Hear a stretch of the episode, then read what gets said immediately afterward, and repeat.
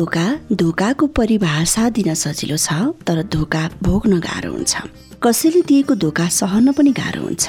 तर यदि धोका दिने व्यक्ति स्वयं आफूलाई माफ गर्न नसकेको अवस्थामा उसको मानसिक स्थिति कस्तो हुन्छ होला?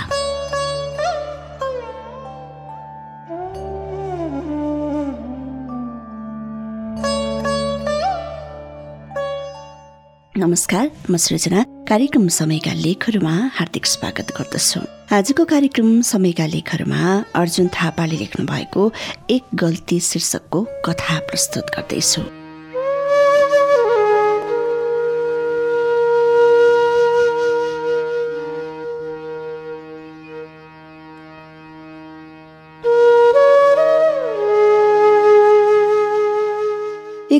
कुकुर रोएको आवाजले उनको निद्रा टुट्छ। अनि बिस्तारै उठेर बारदलीमा जान्छन्। निखर कालो रातले काठमाडौँलाई आफ्नो पछ्यौरीमा लुकाएको छ। औँसीको रात आछ सानोमा हरर मुभीमा आजैको रातमा भूतहरू निस्किएको हेरेको उनको मानसपटलमा कतै लुकेका छन्। बट्टाबाट एक खिल्ली चुरोट निकालेर सल्काउँछिन्। उपत्यका लगभग मस्त निद्रामा छ। उनको एकपछि अर्को चुरोट सल्काए र सकाएको क्रम रोकिँदैन। कुकुरको एकहोरो रुवाएको आवाजले उनको मनमा झन डर बढिराखेको छ। अत्याधुनिक सोलार जडित ल्याम्प पोस्टको अघि लम्पसार सडकमा कुकुरहरूका झुन्ड मात्रै देख्छन् उनले। आँखाको निन्द्रा खोइ कता भागिसकेको छ उनको? जे हुन नहुने थियो त्यत्रो वर्षदेखि आफूलाई जोगाएर सम्हालेर राखेकी थिइन् उनले।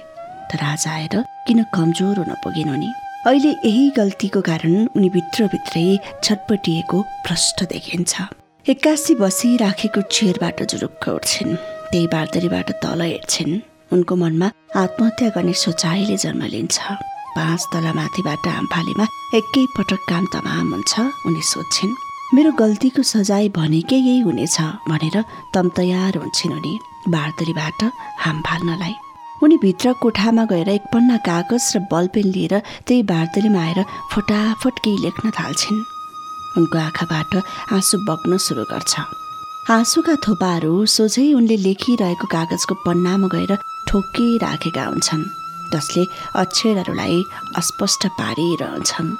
तर पनि त्यसको कुनै प्रभाव नगरी उनी लेखिरहन्छन् उनको लेखाइ टक्क रोकिन्छ। चेयरसँगैको सानो टेबलमा त्यो एक पन्ना कागज र कागजमाथि पेन राख्छिन्।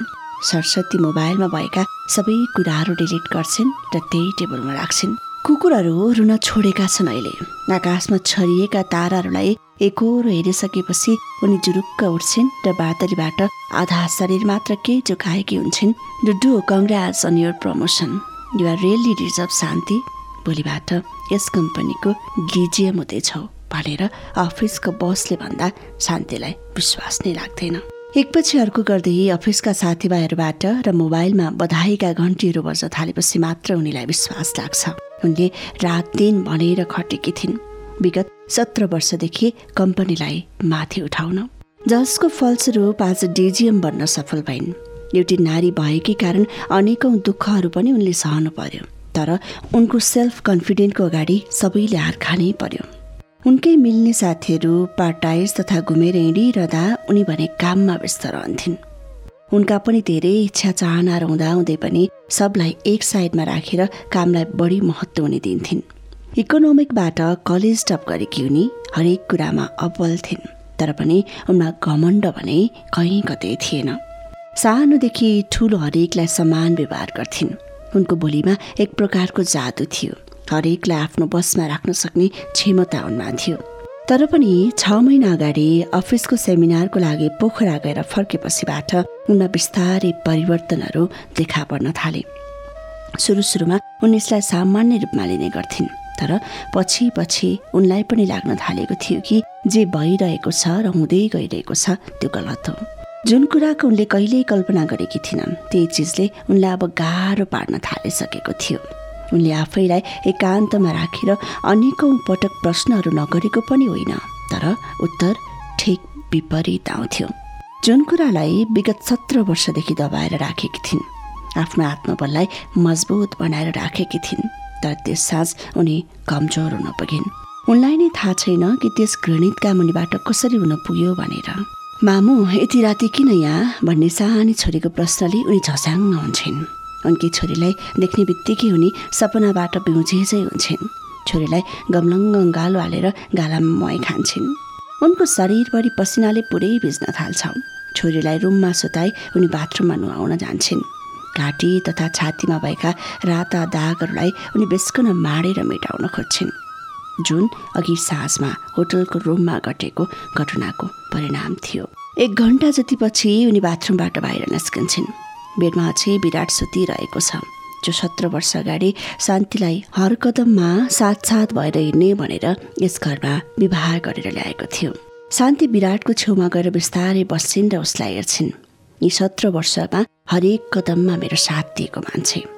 अफिसको कामले हप्तौँ दिन घर बाहिर जाँदा पनि कहिल्यै केही भनेन। घर र छोरी सबैलाई मैले भन्दा राम्रो ख्याल गरेर राख्यो। यो सत्र वर्षमा उसको मुखबाट कुनै अपशब्द पनि निस्केन। यो सत्र वर्षमा मैले मेरो श्रीमानबाट नपाएको कुरा त पाएँ तर त्यसको बदलामा अब मैले आजीवन म आफ्नै नजरबाट आफूलाई पथित पाउनेछु। हे भगवान् मबाट के जघन्य अपराध हुन गयो भन्दै श्रीमानको नजिकै जान्छन्। उनको आँखाको आँसु तप्प विराटको गालामा खस्छ।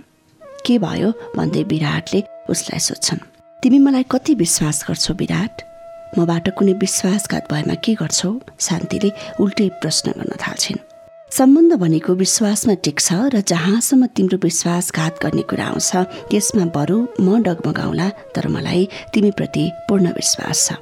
म तिमीलाई आफूभन्दा बढी विश्वास गर्छु। यी फाल्तु कुरा छोड श्रीमती तिमीलाई जन्मदिनको धेरै धेरै शुभकामना। सिरानी मुनिबाट लुकाइराखेको उपहार निकालेर विराटले शान्तिलाई दिन्छ। शान्तिका आँखाबाट आँसु बगिरहेका हुन्छन्।